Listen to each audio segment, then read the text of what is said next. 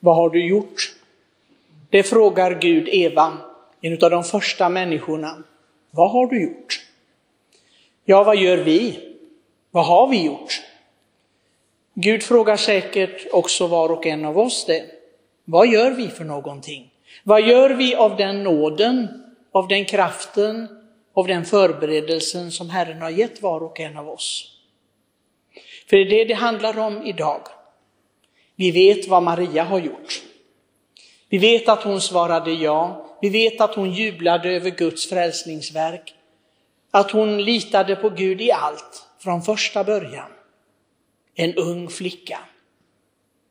Biblisterna påstår att hon inte kan ha varit mer än cirka 16 år gammal. Om vi jämför med våra 16-åringar, har vi någon 16-åring här? Nej, det har vi inte. Men i så fall så förstår vi att det är en stor kontrast. Eller när vi själva var 16 år gamla. Vilken andlig nivå stod vi på? Det skulle vi kunna fråga oss. En sak är säker. Maria från Nasaret, denna unga jungfru som var trolovad med Josef, det första steget i äktenskapets inträde, det var att hon var hemma i Guds ord. Hon lyssnade. Det var en lyssnande människa. Och det är det första steget för att uppfylla det Gud vill. Lyssna Israel, säger Herren. Lyssna Israel. Det är det första han säger till sitt folk. Om ni inte lyssnar så får ni inte ledning. Då får ni inte livets ord. Så lyssnandet var hon expert på. Hon lyssnade så väl att ordet blev kött i henne. Det som folket hade väntat på, befrielsen. Befrielsen från meningslöshet. Att livet bara är ett ekorrhjul där du går upp på morgonen, går till arbete kanske, gör dina gärningar och sen går och lägger dig och så är det samma sak igen. Ett ekorrhjul. Utan mening egentligen. Men Maria hon lyssnar och hon ser i detta den stora kampen mot det som kunde vara tomhet och det som skulle kunna vara misslyckande. Maria hon lyssnar så väl att hon förstår meningen även att riskera. Hon riskerade sitt eget liv, sin säkerhet, vid 16 års ålder. Tänk vilken mognad! Tänk om vi kunde uppnå det när vi var 60 år eller 90 år. Många gör inte ens det. En mognad där man förstår att lägger man sitt liv i Guds händer och använder hans gåvor väl, då blir det lyckat. Då blir det till välsignelse inte bara för en själv, utan för alla som är runt omkring. Och det är det som är meningen, ett välsignat liv. Det kan hända att vi ser på Maria och säger, ja men hon var unik. Vi kan inte jämföra oss med henne. Nej, det är klart. Men ändå så påstår Herren själv, som är född av jungfru Maria nio månader efter så att säga, bebådelsen, den som vi firar den 25 mars, så säger han att vem är vi min moder, vem är min broder, min syster? Det vill säga, vi ska vara Maria. Det är någonting som Guds son förväntar sig av var och en av oss. Vi ska vara Maria. Hur kan jag vara Maria? Vad kan jag göra för att uppfylla detta att vara hans mor? Det verkar lite pretentiöst att säga det, att jag är hans mor. Så nära honom. Och ändå vill han detta. Och han vill det så väl att han säger det sista han gör när han, innan han lämnar världen på korset i fruktansvärda plågor, det förstår vi, så kan han tänka på en sådan sak. När jag får tandvärk, jag kan inte ens tänka på vad jag ska eh, gå och ta vägen, så, så förskräckligt är det. Men han från korset tänker på en sådan sak, att ge Maria en plats i de troendes liv. Och att hon ska vara medveten om att det är där hon hör hemma. Att hon är inte bara en moder för honom, hon har fått en mycket större uppgift. Och den uppfyller hon i kyrkan, det är kyrkan medveten om.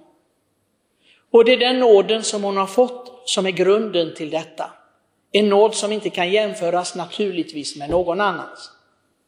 För att Gud ska komma in i världen måste vara fullkomlig renhet och helighet. Och det måste han förbereda människan för. Och det gjorde han med Maria och det firar vi och tackar för idag. Men vi ber henne också om hjälp att vi också blir Herrens moder.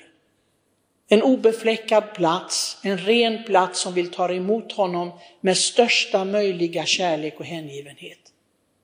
Att vi inte stänger dörren i ansiktet på honom genom felaktiga val.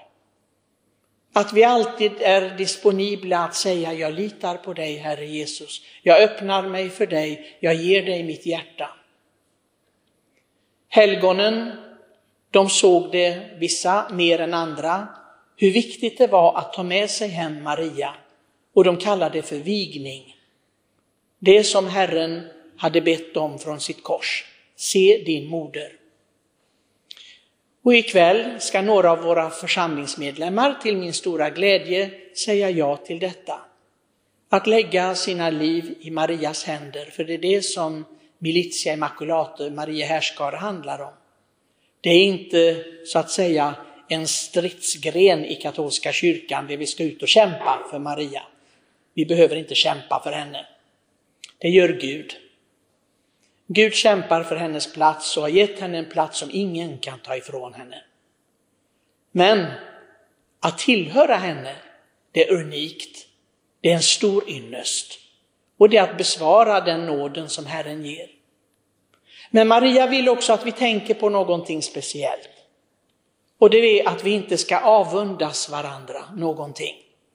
Vi ska inte se på helgonen eller någon annan person och avundas och säga tänk om jag hade fått den gåvan, om jag hade varit på det viset. Det är någonting som särskilt Guds moder som har fått så stora gåvor inte vill se i sina barn. Var och en av oss har fått exakt det som Gud ville ge. Paulus han använder ju en rolig eh, illustration till detta. Han säger, tänk om hela kroppen var ögon. Tänk om hela kroppen vad händer. Ja, ibland så skulle man önska att det var så. Att man bara hade ögon överallt. Ja, några säger i församlingen att jag har för många ögon, men jag vet inte, det tror jag inte. Jag ser nog inte allt. Men det skulle vara bra om det vore så. Men Gud har inte gett oss någonting annat än det vi behöver för att leva det liv han ville vi skulle leva. Vi behöver inte avundas någon, inte ens avundas helgonen någonting. Vi har fått var och en exakt det som Gud ville ge för att vi skulle leva det livet som han ville att vi skulle leva. Till hans ära, till vår egen och människors frälsning. Låt oss tacka för det ikväll. För det är det också det handlar om. Det handlar inte bara om att vi beundrar någonting som Gud har gett Maria. Utan vi tackar ikväll, det är det som är betydelsen också av detta firande. Vi tackar för den gåva som vi har fått och så ber vi om nåden på Marias förbön att Herren ska kunna säga vad bra du har gjort med den gåvan. Vad har du gjort för någonting? Du har gjort bra ifrån dig. Och det är det som vi önskar och ber på Marias förbön.